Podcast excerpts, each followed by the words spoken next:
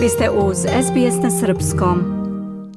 Slušate SBS na Srpskom, ja sam Biljana Ristić, a moj gosti u studiju danas su Aleksandar Habuš, koji je, da podsjetim slušaoce, osnovao ansambl Jugotons koji svira tradicionalnu i popularnu folk muziku sa prostora bivše Jugoslavije i bio više puta gost u studiju. Dobrodošao. Hvala, hvala lepo. I Michael O'Connor, is it? Michael, Michael O'Connor, koji u Melbourneu živi od 2004. i također voli muziku sa Balkana i svira muziku sa Balkana. Dobrodošli u studio. Hvala. Hvala najlepše. Michael, I have heard that you like languages and I hope you might have understood a bit what I have said or not.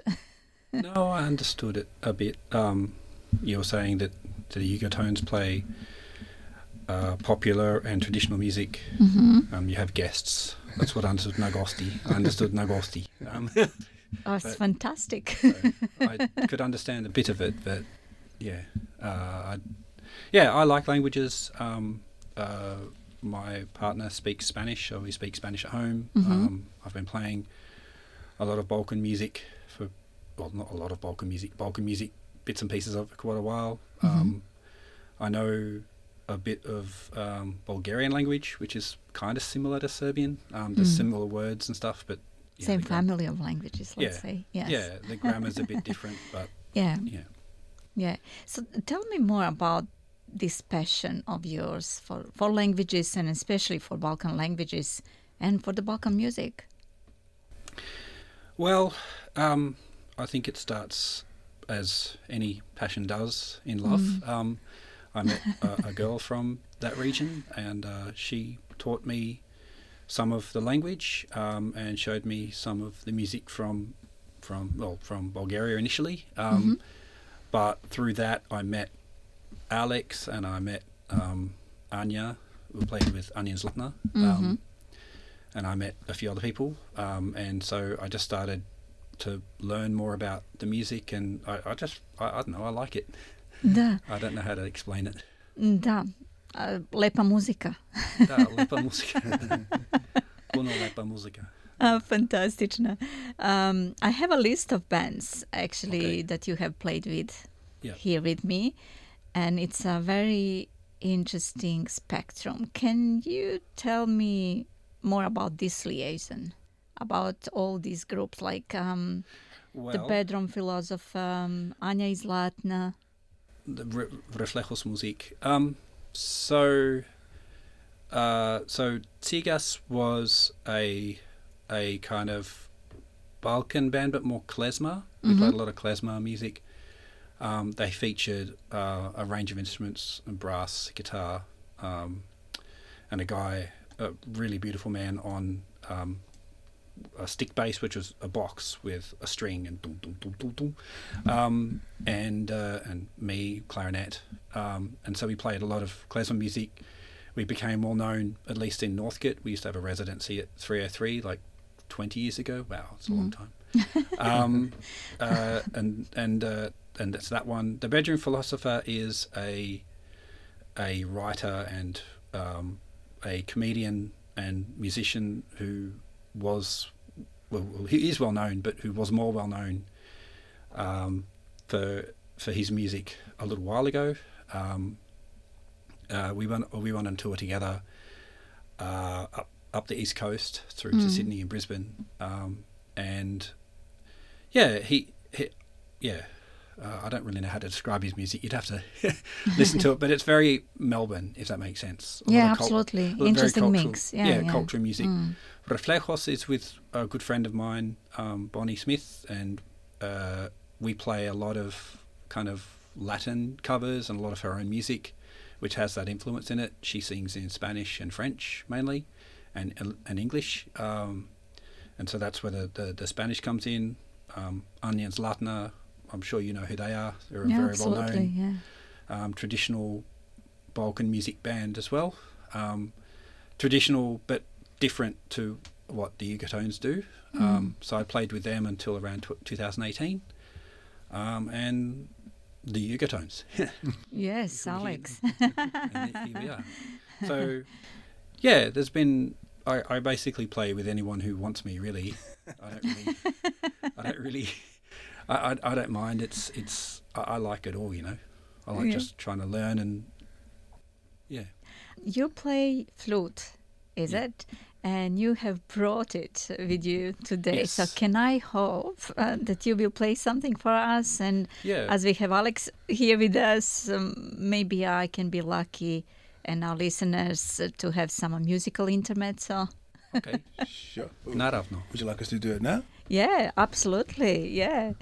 Fala, Alex.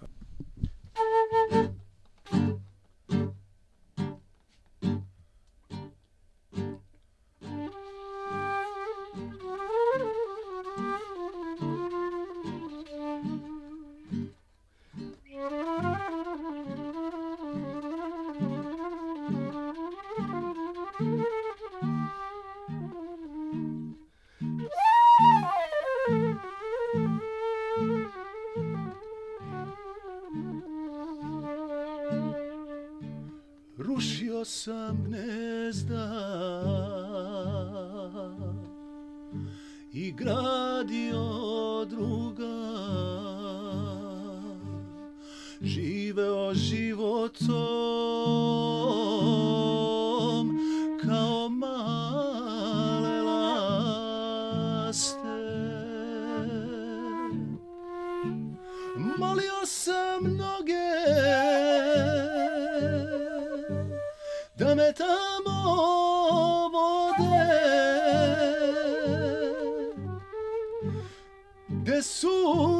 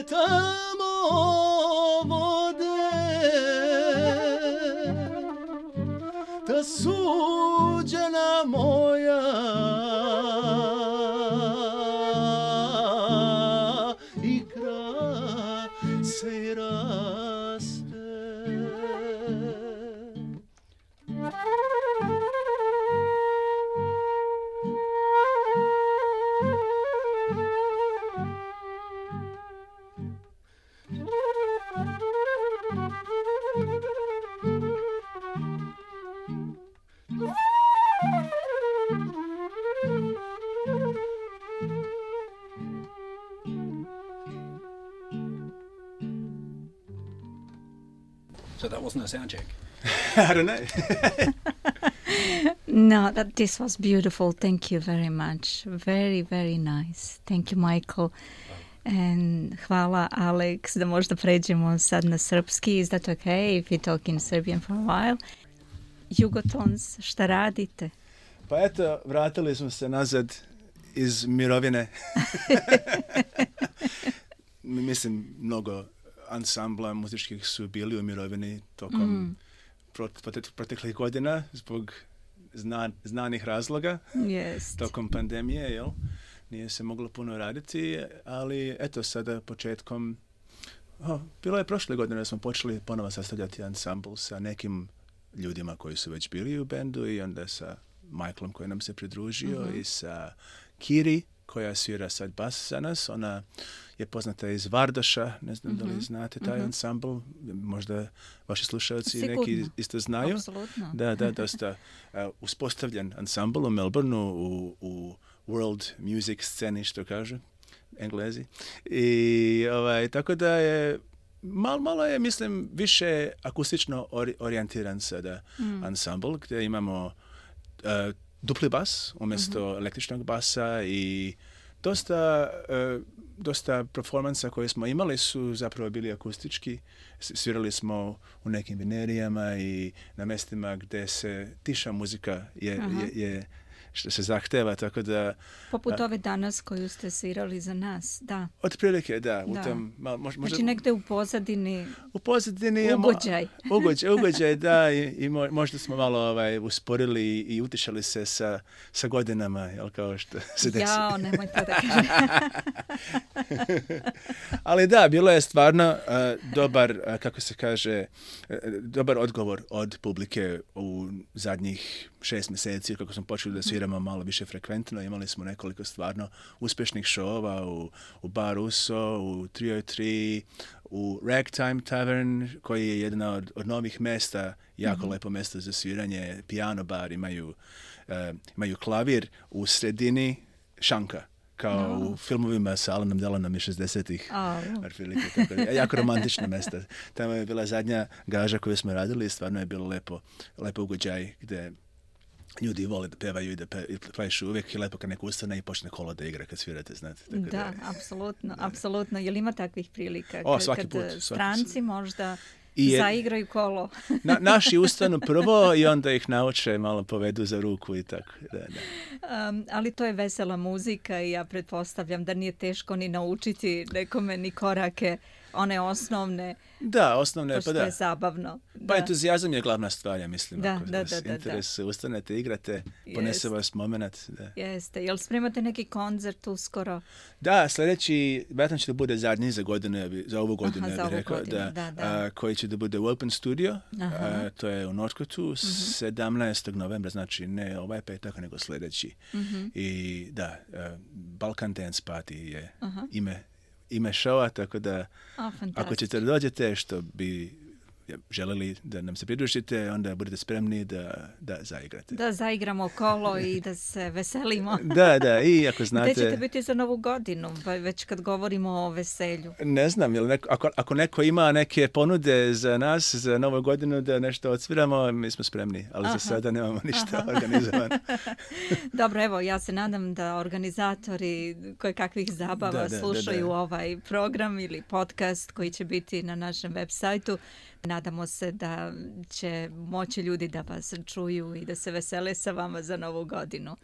Um, jeste li radili nešto na možda nekom snimanju albuma? Je, Da. interesantno da ste pitali, pošto um, upravo radimo na, na singlici a, i, i, i um, objavit ćemo je na kaseti. O, Znači, pa to je znači baš jugo nostalgija. Vraćamo se nazad u 80. da, sa kazet singlovima, da, da. Je li to sad e, u skladu sa vremenom i retro trendom ili... Pa znate šta, stvarno jeste se kaseta vratila, do, pogotovo u tom više, e, kako kažu, podzemnom underground e, muzičkim scenama.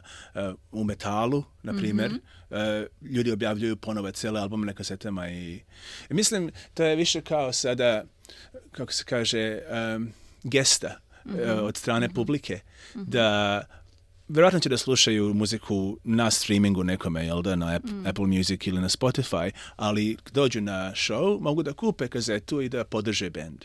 Da, Tako da, je vjerojatno, da li će ikad svirati i staviti na kazetofon, da li iko ima kazetofon još uvijek, ili novi, ne znam, ali umjesto da kupite majicu, kupite kazetu. Ja mislim da je tako nekakav... To je interesantno, smisao. ja sam vidjela da se već prodaju i gramofoni, kako smo mi to govorili, i ploče na vinilu i Znači ja se nadam da će i kasetofoni da zavladaju svetom da, da. ponovo. Da. Ja, ploče već dugo su sada prisutne Jeste. kao kolektorski neki, eh, neki milje u kojem s- s- za jako puno novaca se Da. prodaju, kao što, ka- što kažem, mint Jeste. condition stanje, Je. kao mint stanje, ne znam li tako se kaže na našem, da li imamo reći da je valjda slična Pa, mint, mint stanje. Nisam ovaj, baš gledala u da, nisam ni ja provjeravao. Ali, ali kupite, na primjer, kao prvu presu ploče Mm. iz ne- neke poznate grupe iz 70-ih, platite preko 100 dolara za to. Tako Da, da, da. Ali naša kaseta neće bude tako skupa. Samo. Neće biti tako skupa, ali je retro, tako da smo u trendu ponovo. Tako je. Da li to možda ima veze i sa prezasićenjem tom elektronskom muzikom i ne znam možda čistim zvukom perfektnim i šta ja znam. Da ljudi su se po- uželeli nečega što nije perfektno, recimo. Ja mislim da više ima, e, ima povezano je sa globalizacijom preko interneta, gdje sada postoje e, te, e, ti razni community e, po svetu, gdje možda ste vi svi u istu vrstu neke muzike iz, starine, da kažemo, Je, jugo je. folk iz 80-ih, Je, je, na primjer, je. ali preko interneta možete se naći i sad postoji možda samo hiljada ljudi u cijelom svetu koji to, koji to interesuje, ali se svi nađu u toj grupi negdje na internetu i onda osnuju taj novi neki kao novo društvo, jel? Preko kojeg mogu da uspostave um, vezu i, i, i, snagu u toj sceni ponovo. Tako da se to puno dešava preko raznih scena um, gdje mladi ljudi se nađu uh, zaljubljeni sa nekim žanrom iz prošlosti i onda ga ponovo osnuju i naprave ga bolji nego što je ikad bio, na primjer. Da, E, apsolutno. Tako da, je. Imaju bolju i tehnologiju je. da to postignu. da, upravo je, tako, da. I da plasiraju to u svetu kroz, pristupačniju na kraju krajeva. kroz razne medije, Jeste. socijalne i tako dalje. Da, da. e, Tako da, I koja će se pesma naći na, na kaseti? Pesma je original. Dakle, prvi sam original napisao O, za Jugoton. čestitam, da, hvala, čestitam. hvala, hvala. I e, pesma se zove Patiš, ali zašto? E, Možemo li čuti neki... Bakšiš, ali zašto? Bravo, Michael. That's fantastic. You're getting better and better with the practicing. Tako da ja rad- radim na miksu tome. Verovatno će da bude objavljena u nekoliko, nekoliko sljedećih dana. Pesma. Da, imat ćemo priliku, Možemo li da. čuti par tonova ili je to još uvek uh, tajna? da ostavimo za uh, release da bude, Aha. da se čuje u najboljem svetlu originalno, umjesto da se ja prisjećam kako ide, kako ide. Da, da, da. Dobro, onda ćemo povezati link sa ovim intervjuom kad Važi. bude dostupno. Da, tako važi. da ljudi mogu da čuju, evo sad kažemo unapred, jel tako? Da, da, da, tako je. Da. I, i da, da očekujete e, ovaj, e, na- naslovnu, naslovnu sliku sa kasete da bude u stilu također 80-ih sa sa, sa, sa slucavim šljokicama na odelu i Sad u, u- stilu Abe. e, više u stilu nešto Halida Bešlića ili Šabana. O, okej. Možda čak i ako je u stilu Šabana- Šaulića, možda čak i stavim periku preko da bude. Opa, da, vidiš, ima tu raznih mogućnosti. Važna je kreativnost, zar Da. ne? Jeste. Michael, do you understand a bit what we are talking about, yeah? You have a general picture. I think so. Yeah, yeah, yeah, yeah. Yeah. Um, uh, you've been talking about how the internet, the impact of internet on on world music, and particularly on on Yugo folk. Yugo folk. You've called it Yugo folk, and you asked him about his his his original song. When he when you are we going to play it today? No, I think it's better that we. You know, that I send you a link after we finish, after I've got it mixed perfect. I think something something like that. That's fantastic. Congratulations. I mean, I, I'm impressed, honestly. I understand more. I, I, I don't, I don't feel confident to speak Yes. fully, but because I'm so out of practice. But Yeah. I understand. I, I, I like. I'm enjoying listening. Kako se zove tu? I, in Bulgarian said vratvam se da. But I don't, Uživam. uživam se da slušam. Uživam se da slušam. Da, melodiju tog jezika. Hvala, to je kompliment i nama. Često u suštini moji prijatelji engleskog porekla kažu da je lepa muzika našeg jezika. Da, da. je prilično ravna kao i engleski jezik. Nema tih nekih naglih e, ups and downs, jel tako, u, u govoru, tako da je prijatna za slušanje, tako mi barem kažu. Da, ja Yes. mislim isto, da. Je, je. Ali imamo mi melodije. Imamo mi melodije gore, dole. To je jedna stvar, pošto ne znam da li smo pričali o tome pre kad sam bio, ali ja radim kao prevodioc Mhm. srpskog jezika također.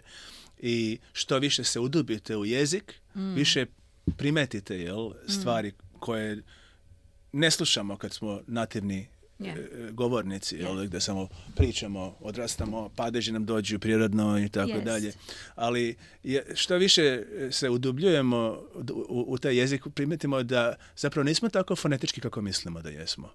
Da postoje naglasci, da postoje razlike u uzlaznim i silaznim i kratkim koje nisu napisane. Ne, Tako da je teško nekome ko bi teško, taj... to su nijanse jezika. Da, na primjer, Kao što- sam i sam, jel? Jeste. Sam sam. Ili kosa, kosa, Da, da. kosa, ime. Da, Znači, da. to su sve nijanse kao što je i meni u engleskom jako teško, recimo, reč stationary and stationary the car. I don't Yeah. see the difference, It's honestly. it- stationary versus stationary, Yeah. like a pen. But uh, context. How do you say context? It has context. Yeah, isto, the isto same. se kaže kontekst. Isto. Ima Yeah. context. It Yeah. depends on the context. Yeah. Like it's, it, yeah, that's the thing with the English words. It just kind of depends on, like, for, so for example, the other one is when you have words that are written the same but read very differently. For example, live and live. Yes. L I V E, L I V E. Yeah. Kako zna, how do you know, like, kako Yes. zna, Koje? koje, koje, koje da, da Koju izpolzva- verziju? Da Yes. izpolzva? Ko- Izpolzva, stavi, is, izpolzva, to use? Sorry, Bulgarian again. Kako znati koje se koristiti? That one. Da se Yeah. koristi. Sorry, my bad, my bad. No, bad. that's fine, that's fine. I, I had the wrong verb in my head. Yeah. yeah, there's so many words actually that we can um, uh, put forward, like reading. I read it. Uh, Je read, read, sve se piše isto, da. yeah. Yeah, it's the Yeah. same. It's the same with live and live. Yeah, yeah. exactly. So the context, as you said, it's very important, isn't it? What else? Can we hear musical number? Hoćemo Berov skoro. Yeah. Dok...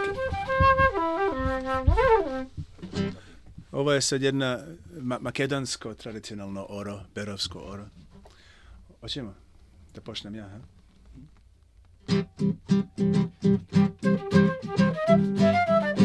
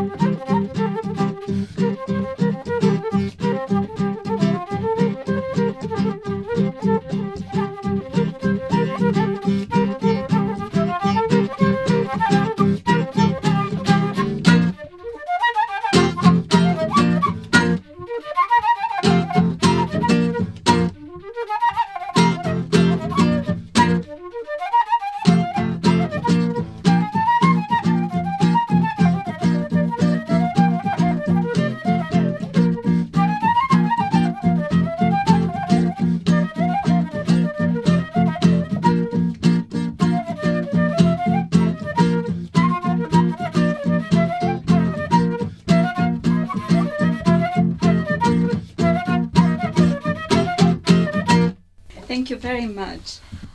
Michael, it was fantastic. Thank you. So I, um, Alex told me that you don't have um, formal musical um, education. So for me, it's interesting to know how did you teach yourself? I had a, a, a teacher. I don't know how you say it in Serbian, but in Spanish you'll say profesora. You Yeah, it- professor, same. Profesor. Yeah. Imao sam profesor. Um, to me, on me prepodava. To- He taught me. He taught me. He taught me privately. I had private lessons for a long time. Um, and when I came to Melbourne, I had another private teach private lessons with a with a man, and he he started showing me some odd time things. Um, but yeah, it was mainly just a lot of kind of listening to people, and uh, I think I think the list I probably haven't as as always I haven't done myself justice with the list because I've done quite a lot more than just those than, just the groups I've given you. But it's hard to remember everything. Yeah. But I've played with I've done a lot of recording with lots of different people and um, just kind of used my ears, I guess. I'm blessed with the. I'm blessed. I, this will sound arrogant, but I'm going to say that anyway. I'm blessed with these ears, you know. Mm, mm. Um, and so I just, yeah, again, it, it's just I just play with whoever wants me. You just have a talent naturally, probably. Yeah, yeah. and yeah. then and then this music again. It came from. Actually, I discovered this because um, the the girl I was telling you about um, introduced me to a great Bulgarian kabalist, Teodosi Spasov, Mhm. and he plays a kaval, which is like which is like a wooden. Well, you know what a kaval is, I'm sure. Mm. Um, but I was listening to him, and I'm thinking to myself, hang on a second, I can do that. That's in my range. That's in my register. I could do that. I can sound like that. Mhm. And so I just started just mucking around with it and practicing with with that sound and just saying, oh, maybe I can, maybe if I, because you know, I play an open hole flute, so I can get the bends a little bit, not probably to the same as a kaval, but I can get the same, the Yeah. similar bends and stuff. Yeah, So absolutely. I, I, I, I, it's it's something I like to imitate. Mm, okay. Yeah, I like to yeah. imitate, and so. With this with Alex, I get to really play into that a lot more. Mm-hmm. Hopefully, I don't ever do it.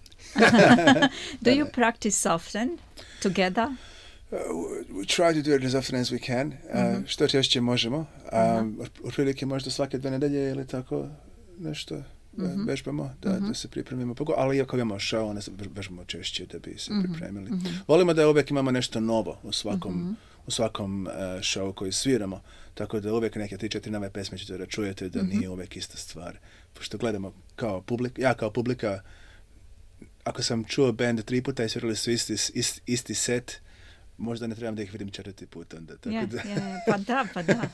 Uvek čovjek pođe od sebe, jel tako? Da, da, da. Nemoj da radiš nekome nešto što ne bi želeo tebi drugi. Upravo tako, da. Pa to je zapravo jako interesantno. Ne znam da li ste upoznati sa producentom muzičkim Rick Rubin, Mhm. poznati muzi- muzički producent, je objavio knjigu nedavno o tome kako on radi na tome da, da proizvede nešto unikatno i, i uspešno. I uvek polazi od toga šta bi on voleo da čuje ili vidi kao član publike. Mm. I onda, ako to ne postoji trenutačno, onda se mora, mora, morate Mora stvori- sam da stvori. stvoriti. Sam da Jeste. stvori, da, da, da. Znači, to je njegova inspiracija. A, dobar savjet je svima nama da, da možda se malo češće zaustavimo i pomislimo šta bi ja, šta, šta to stalno uvek isto radim, možda bi mogao da budem kreativniji Da, kreativnija. Da, da. kad bi bili, kad bi bili član publike samom sebi u životu i gledamo Aha. se, šta bismo htjeli da vidimo. Da. Jeste. Ili čujemo. Ili čujemo da u ovom slučaju, da.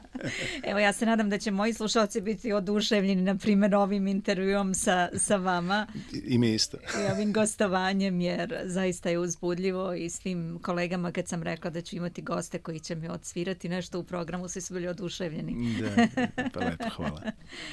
Divno, stvarno.